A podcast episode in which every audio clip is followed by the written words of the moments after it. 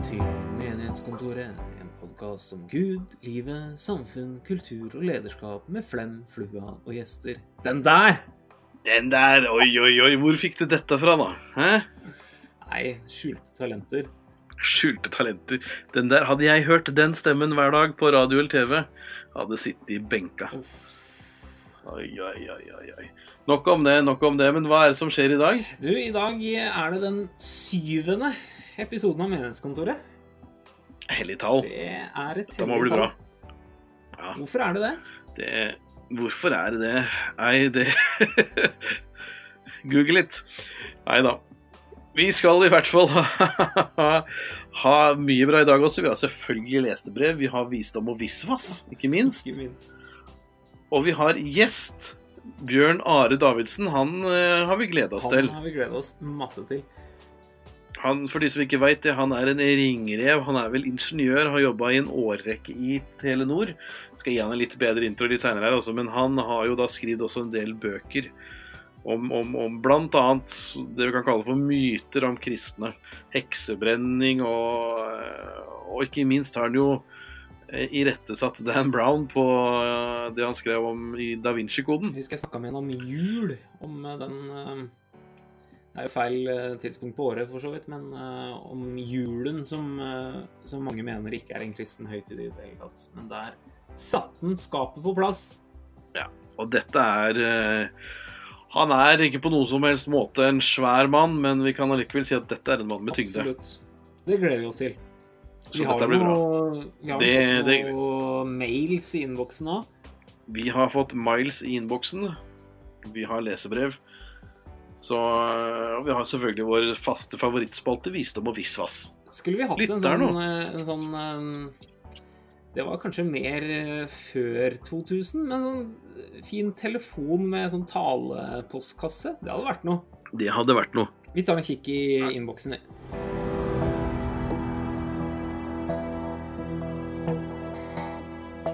Hei! Har hørt på podkasten, og dere har hatt mye med han LA-Danny om urhistorien og sånt. Nå har vel ikke han sagt så mye om selve skapelsen, men det er jo mange som tenker fortsatt at jorda ble skapt på sju dager. Det hadde vært kult å høre hva folk tenker om det, sier Martin. Ja. Da er det vel Folk er vel oss. Sju dager, ja. Jeg, det første jeg tenker, er at det er ikke noe i veien for eh, Gud sjæl å skape verden på sju dager. Det tror jeg han fikser fint. Jeg tror han eh, er kapabel til å skape den på enda kjappere tid òg. Mm. og jeg tenker at Gjort det på et på sekund. et sekund Jeg syns et interessant perspektiv er at eh, den såkalte Big Bang-teorien Ja. um, Den har vi hørt om.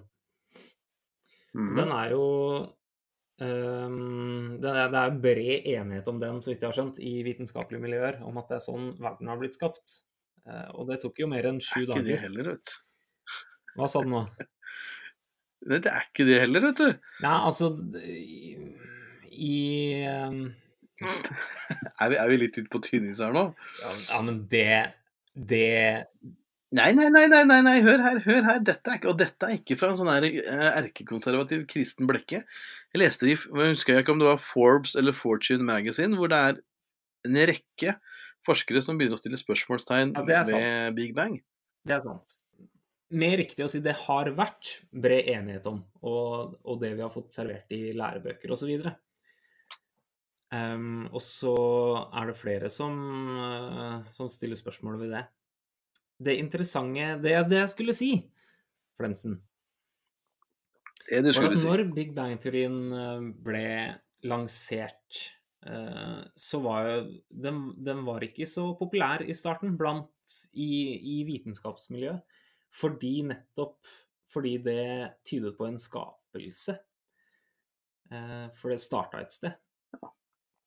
Nemlig. Eh, Ting kan jo ikke starte et sted. Det, det, det syns man ikke hørtes bra ut, for det tyda på at det var noen, en skaper i bakgrunnen her.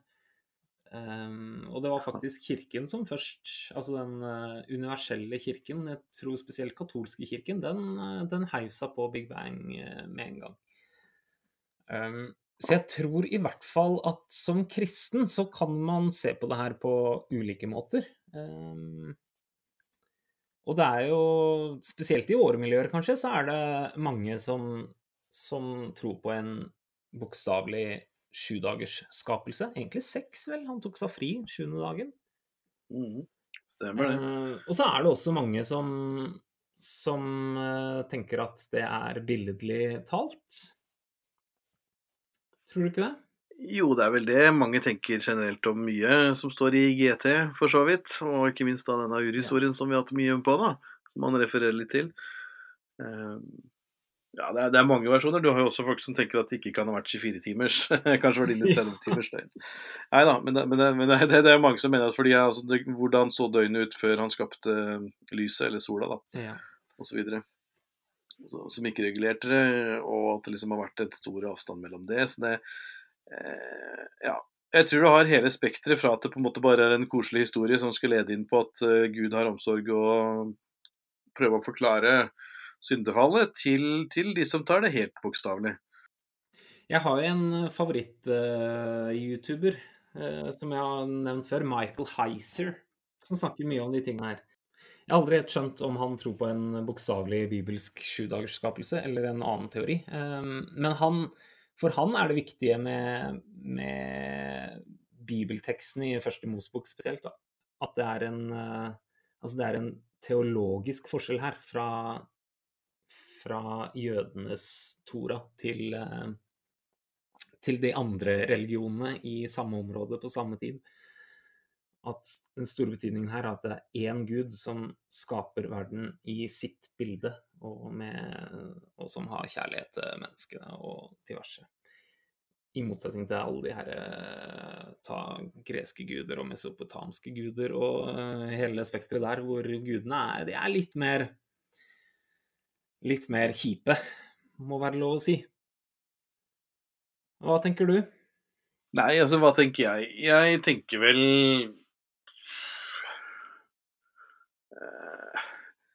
jeg, litt, litt der som du begynner. Altså jeg Eller for å begynne et litt annet sted, da.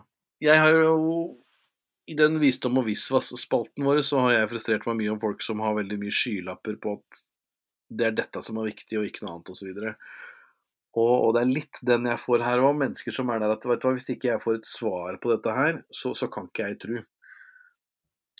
Eh, så jeg er litt der at jeg, jeg prøver å være litt så ydmyk i forhold til begge veier. Jeg tenker jo at, som du var inne på, at det er ikke noe problem for Gud å ha skapt. Han kunne brukt sju sekunder, eller ett sekund, eller tre uker, eller uh, altså seks dager. Og selv om det kan se ut som ting har tatt lang tid osv., så, videre, så så kan jo han fint ha speeda på strekt ting. og nå har jeg jobba en del inn i film- og TV-bransjen nå, og veit hvor lettlurte eh, folk er på spesialeffekter. Og da snakker jeg ikke om bare sånn type Star Wars, eh, romfarerfilmer og, og, sånne ting, men enkle ting som Grace Anatomy, hvor det ser ut som de henter noen fra en helikopterplattform, og så er det bare ei svær vifte, og så har de animert, eller at de sitter på, på, på trappa foran Det hvite hus, og så sitter de egentlig bare på en liten uh, pappkloss, og så blir resten lagt på seinere. Ser du på Grace Anatomy? Nei, det var kanskje et dårlig eksempel. Jo, jeg så faktisk første sesong tre. Gjorde du det? Jeg gjorde det, men det er fordi jeg likte Chicago Hope. Åh, det var bra serie. Nok om det. Uansett, poenget mitt er at det er liksom Det er mye det, Og det henger igjen sammen med da, at det er liksom vitenskapen var veldig bastant på ting. Dette er jo noe Bjørn Are snakker om, f.eks. På, på forskjellige ting på enten det var 1300-, eller 1600- eller 1900-tallet, som vi sitter og ler av nå. Ja. Og da tenker jeg at selvsagt kommer noen til å sitte og le av ting vi er veldig bastante på nå, om 50 eller 150 år. Mm. Eh, så, så jeg tenker det at jeg har ikke noe problem med å tro på at jorda kan ha blitt skapt på seks dager. Mm. Men det er ikke sånn at jeg går i kjelleren og at Gud blir mindre for meg hvis han har brukt seks millioner år.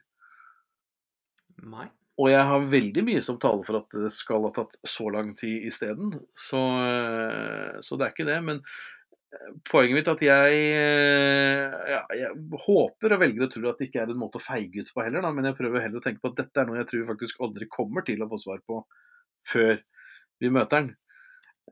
Og da kan det kastes ut så mye. altså Utfordringa med sånt her er jo også at det er ikke nødvendigvis den som altså På samme måte som du du trekker i parallell til juss. Det er jo ikke alltid sannheten som seirer, men det kan være den dyktigste advokaten eller den beste retorikeren. Absolutt. Ikke sant? Jeg kan ha rett om noe, men hvis det kommer en professor som på en måte snakker meg rundt, så vil han på en måte vinne diskusjonen og argumentene. Eh, Så kan det finnes en annen professor fra et annet universitet som på en måte har samme syn som meg, som hadde snakka han rundt igjen, og så har du på en måte en spiral som går. Eh, Hmm.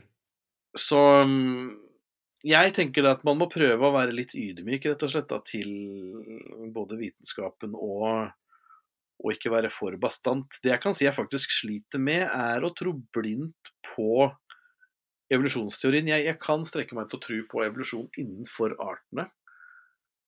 Men, men, men det er noe med at vi som er mennesker som er krona på verket, og mer enn et dyr, eller mer enn på en måte en plante, sliter jeg med å tenke at vi bare har blitt utvikla over millioner av år fra, fra det.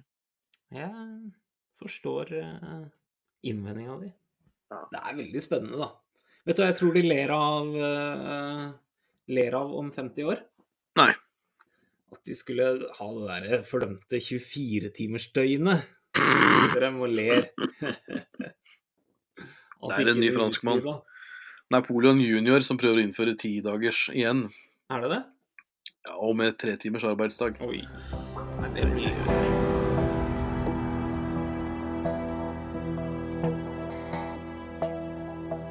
Bjørn Ari Davidsen, tusen takk for at du har mulighet for å være med på podkasten vår.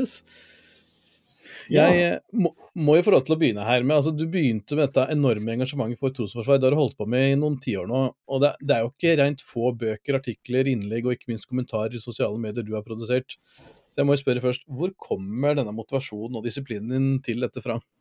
Ja, Det er godt spurt. Jeg tror det begynte med at jeg ble kristen. Og så er jeg alltid en sånn nysgjerrig og ivrig type. Så jeg eh, satte meg jo litt inn i da, hva kristen tro var for noe. Dette var da jeg var 19 år gammel. Eh, og så møtte jeg mye spørsmål og sånt, og, nysgjerrighet om, om kristen tro, og forsøkte å svare på det. Og så møtte jeg i tillegg en del rare og ganske vanskelige, noen ganger også litt vemmelige spørsmål. Og så prøvde jeg å svare på de. Og, og mye av dette var så underlig at jeg ble veldig nysgjerrig på hvordan i all verden folk kunne uh, tro og tenke så mye rart om uh, det å være kristen, og hva kristne hadde gjort gjennom historien osv. Ha. Eh, For å hoppe litt eh, fram til eh, noe du har skrevet litt nylig om en del. Du har, altså, du har presentert en del feil både i Yuval Noah Harari sin bok 'Sapiens', som, som du sjøl skrev. Du ser mange sitter og leser på toget, eller i hvert fall leste, og så ikke minst har du skrevet en bok om Dan Browns da Vinci-koden. Kan du si noe om hva er de største feilene du, du ser her? Og hvordan på en måte tar du tak i dette her? Ja, det er igjen godt spurt. Altså, det er jo ganske mange feil, og noen feil er mer typiske enn andre. En av de mest typiske er jo det at man ser på fortiden, spesielt middelalderen, som veldig mørk og uvitende og styrt av overtro, og hvor naturvitenskap og teknologiutvikling og sånt ble bremset eller stanset av, av kirken og kristne generelt. Det ser vi jo i Harari, og vi ser det hos Stan Brown, og vi ser det hos veldig mange populære forfattere. Så eh, det jeg forsøkte å gjøre, er å gå inn på vanlige kilder. og Undre meg stadig over at slike forfattere ikke har lest det. Men at de forholder seg til eh, eh, annen populærvitenskap som også har disse mytene med seg. Da. Og så skriver man av hverandre istedenfor å gå til originale verker. Mm, mm. Ja. Men, men Står du litt alene om dette her? For jeg tenker, sånn jeg leste det, det, var jo bl.a. snakk om som du sier, grunnleggende feil på, på størrelse på byer osv., som man refererer til. Eh, står du litt alene i dette her, eller eh, Du, i, I Norge så har jeg vel stått ganske alene, men Ja. eh, internasjonalt så finnes det jo en del, ikke veldig mange. Jeg vet vel om Mm. ca. Ja, fem til ti stykker som har vært opptatt av disse tingene. Og Mm. eh, akkurat nå så er det faktisk en ateist i Australia som har skrevet ganske mye og inngående eh, om eh, disse mytene som de såkalte nye ateistene har om middelalderen, og om eh, Jesus har eksistert, eh, og så videre. Og der er det altså fryktelig mye å ta tak i, og det er flott å se at eh, seriøse folk, enten de er eh, ateister eller de kristne eller noe annet, eh, gjør en jobb med dette. Men det var jo så Da, da Vinci-koden er noen år siden, den kom vel i 2006, den filmen Det ble også lagd film om dette etter boka, og den ble jo en enorm suksess. Men selv om den da åpenbart har så mange feil, hvorfor, hvorfor er dette likevel så veldig interessant? Jeg tror at det henger sammen med at man får avslørt ting, tror man. At man liksom oppdager den egentlige sannheten som har vært holdt skjult. Og det gjelder jo Mm. spesielt da Da Vinci-koden.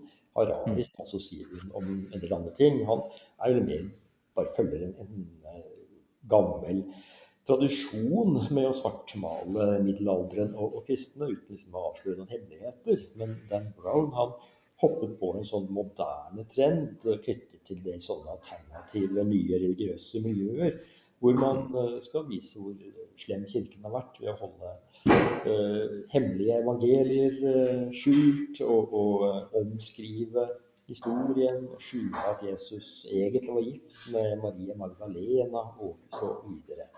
Og sånne ting er jo ganske spennende. Da. Han skriver jo en eller flere spenningsromaner som bygget på disse gamle og en god del nye fortellinger om eh, kirken og om alt hva den skal ha skjult av informasjon. Ja, riktig, riktig. Eh, Vi, kan jo holde oss litt til, gå til, til middelalderen igjen. Eh, I, I en av bøkene du har skrevet, så handler overskriften 'Rå kristne og kultiverte muslimer'.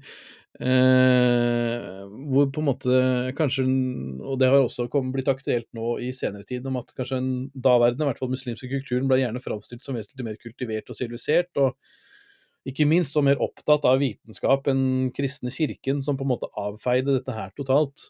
Kan du, kan du utdype litt rundt dette her? Altså det som er greia er at uh, man må skille mellom på en måte tre kulturområder. Man Ja. har eh, Vest-Europa, som var altså det stedet hvor disse folkevandringsstammene slo seg ned i uh, senantikken og på en måte etablerte det som skulle bli middelalderkulturen. Mm. Og det var i en veldig sterk og dramatisk nedgangstid. Pga. Altså at Romerriket, Vest-Romerriket hadde gått under. Og Da ble byene svekket, noen forsvant eller ble flyttet opp i fjellområder osv. Og, og hele den antikke utdanningen på en måte ble, hadde ikke råd til det lenger. Eh, og så først med Karl den store på 800-tallet så begynte man å komme tilbake igjen til det som hadde vært på eh, 500-tallet. Men det var altså den ene hvor der hvor det skjedde en dramatisk nedgang. Så hadde man da den arabiske kultursfæren, eh, som tok over veldig mye av de gamle kunnskapssentrene, de gamle kristne kunnskapssentrene i Egypt, Alexandria, Syria, Spania osv. Og de videreførte og videreutviklet disse kunnskapstradisjonene, også med stor hjelp av kristne arabere eh, og, egyptere og fra fortsatt Spania. Og så hadde man en tredje eh, sivilisasjon her, og det var den østromerske, altså den delen av Romerriket som ikke gikk under da Vest-Romerriket gjorde det. Og der fortsatte man jo med å lese de gamle greske verkene osv. Og når vi snakker om middelalderen, så er det veldig ofte altså Vest-Europa vi tenker på. Disse folkevandringsstammene som langsomt stablet på bena en sivilisasjon i ruinene av det gamle Vest-Romerriket. Og der tok det litt tid før økonomien og, og tryggheten osv. ble såpass stor at man klarte å komme i gang igjen med sånne overskuddsaktiviteter som man hadde hatt råd til å drive med i Romerriket, og som man hadde råd til å drive med i det store arabiske imperiet. Ha. Ja, og du, du er jo også innom noe annet i forhold til korstog. Ja. Er den, er, ligger det der også mange historiske feil, er det slik jeg forstår det? Ja, altså, Det varierer jo hvem det er man uh, si, snakker med, eller hvilke typer bøker man leser. Naturligvis. Det er jo Noen feil, typiske feil er jo at dette var uprovoserte angrepskriger. Altså I realiteten så var det jo sånn at de gamle kristne områdene i Midtøsten, altså uh, Egypt, som jeg nevnte i stad, og Jerusalem eh, kom på arabernes hender på 600-tallet. Og det var jo mye fram og tilbake der. Men så på 1000-tallet skjedde det endring. Da hadde man jo lenge hatt lov å, å få besøk eller få reise dit som kristen pilegrim for å se de hellige stedene som man oppfattet det i Jerusalem. Men så begynte det med uro, først med en ganske blodtørstig øh, leder i, i Eh, Egypt og Jerusalem, som raserte kirker og, og drepte kristne osv. Og så etter hvert tok tyrkiske stammer over dette området, og det skapte en maktubalanse.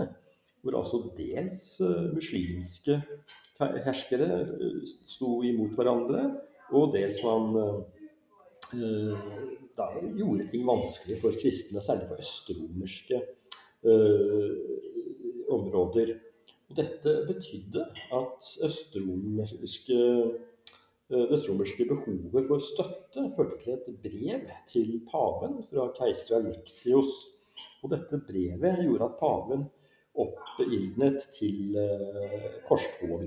I stedet for å få en håndfull leiesoldater, som var det keiseren i øst hadde etterlyst, kom det titusener av eh, uh, ivrige korsfarere for å forsvare han mot muslimene og redde Det hellige land. Og Dermed så var det i gang, da. Og, og ble gjort mye gærent. Men i utgangspunktet så var det ikke en uprovosert angrepskrig, men et forsøk på å stanse uh, innrykk av spesielt nye tyrkiske stammer. Som du begynte litt innledningsvis, Bjørn Are, på det spørsmålet her, så sier at det kommer selvfølgelig an på hvilke bøker man leser, naturlig nok. Men, men det, det, kan i hvert fall virke som om at mye av historiebøkene har på en måte litt den si, negative vektingen da, på, på, mye av både kristen tro og, og, og, både dette med korstog og, og, ikke minst det du var inne på på middelalderen. Hvorfor er det slik? Altså, er det for få som sitter redaksjonelt og vurderer historisk stoff, eller eh, hva, hva tenker du rundt det? Ja, jeg, jeg tror nok at eh, det er begrensede ressurser i redaksjonene. Eh, om det er for få, vet jeg ikke sånn utgangspunktet. Men i hvert fall så er det ikke nok kompetanse på mange av disse temaene. Og jeg tror også at i tillegg så ligger dette, dette så tett og sterkt i bakhodet at uh, man ikke kommer på tanken om å undersøke om uh, påstandene stemmer. Fordi de virker så opplagt uh, sanne. Og dermed så, så, så, blir det en ond sirkel, altså. At man viderefører påstander som ikke er sanne. Og man gjør det fordi man ikke kommer på tanken om at de ikke er sanne. Og det kommer av at disse påstandene hele tiden videreføres. Takk skal du ha, Bjørn Are, så langt. Du skal også være med i neste episode, hvor vi skal snakke om ismer.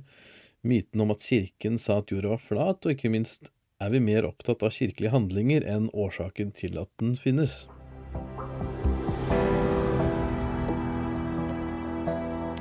Vedel? vi snakka om 30-timers døgn. Ja. Jeg kom på noe i forbindelse med den, eh, den der. Jeg prøvde Det var en høst hvor jeg eh, bodde i min uh, ungkarshule på Manglerud. Dette kan umulig være visdom. Dette, ja. dette er visas. Jeg innførte en ny døgnrytme. Du, du prøvde å praktisere den 30-timersen? Nei, men jeg praktiserte sove to ganger, to ganger i døgnet. Hvordan funka det? Tre timer om natta, tre timer om dagen. Jeg gjorde det en uke, og det funka. Jeg har aldri vært så våken på jobb som det. det er sant. Ja, jeg, altså, jeg, men, men, men, det altså, Du kan ikke bare utfordre meg sånn på sparket, for nå har jo ikke jeg empiriske data. Nei, det, det er man opptatt av, men det er jo ikke det vi er så opptatt av her. Det er, ikke, det er ikke, Hvis det er det du skal ha, så får du høre på noe annet. Nok om det. Men nei, poenget mitt er det at jeg husker det demrer når de sier det. At i, for, i forhold til søvn og natt og alt det der, så, så var det jo en tidsperiode hvor man faktisk hadde ikke sovet tre timer på dagen, men du hadde Ikke sant, før i tida før, eh, Siesta. Før, ja, siesta. Nei, den Den har jeg ikke skjønt åssen går opp. I hvert fall ikke noen folk ikke jobber i landsbyen sin lenger, liksom. Nei, Nei fortsett. Men vi i Norge burde jo hatt siesta, i hvert fall om vinteren. Ikke for å sove, men for å komme ut og få litt sollys. Sove. Mm. Kunne heller jobba litt lenger. Men du hadde et resonnement. Jeg hadde et resonnement, og det er jo det at jo Man la seg og sto opp med sola. Her i Norden kan man jo spørre åssen det så ut, men, men poenget mitt er at man faktisk funnet ut da, gjennom å lese diverse journaler at det var normalt å legge seg ved solnedgang. Og kommer du litt lenger sørover, så gikk jo sola Sola kan jo gå ned klokka sju, liksom, Mhm. på sommeren. Så sov de da type tre-fire timer. Ja. Sto dem opp, jobba et par timer. Altså sånn ikke ut og jobbe, tror jeg, men typisk de litt mer sånn skrivefolka og håndverkere som liksom hadde gjerne verkstedet sitt hjemme, ikke sant, som det var mye på kontinentet for mange. Og så, etter et par timers arbeid, gikk de og la seg igjen, Ja. og sto opp med sola. Ja. Omtrent det samme. Ja, men det, poenget mitt er at det funka visstnok bra. Ja. Ikke minst var innafor 24 timer. Var ikke 30 timers døgn. Nei. Ikke var det Napoleons ti dager heller. Men jeg, jeg Jeg skulle likt å Altså, jeg er nattemenneske, da. Jeg elsker natta. Ja. Og det å Nattugle fra flue til nattflue. Nattsvermer er du. Nattsvermer. Det var Lama fire, opp igjen sju. Å, fytti gata. Så hjem fra jobb, sove tre timer, så nyte kvelden. Ja, helt Anbefales på det sterkeste. Tilbake til bohemmelivet, Bare husk å bytte ut det der vinglasset med Pepsi Max.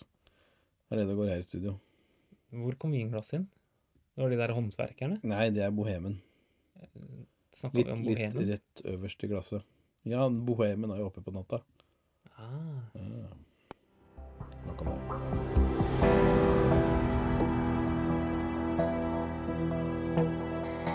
Det er også det vi hadde for podkasten denne gang her på Menighetskontoret. Takk for at du er med og lytter, og del selvfølgelig gjerne på sosiale medier. Neste gang skal vi som sagt også ha med Bjørn Are Davidsen, så vi håper du lytter til oss også da.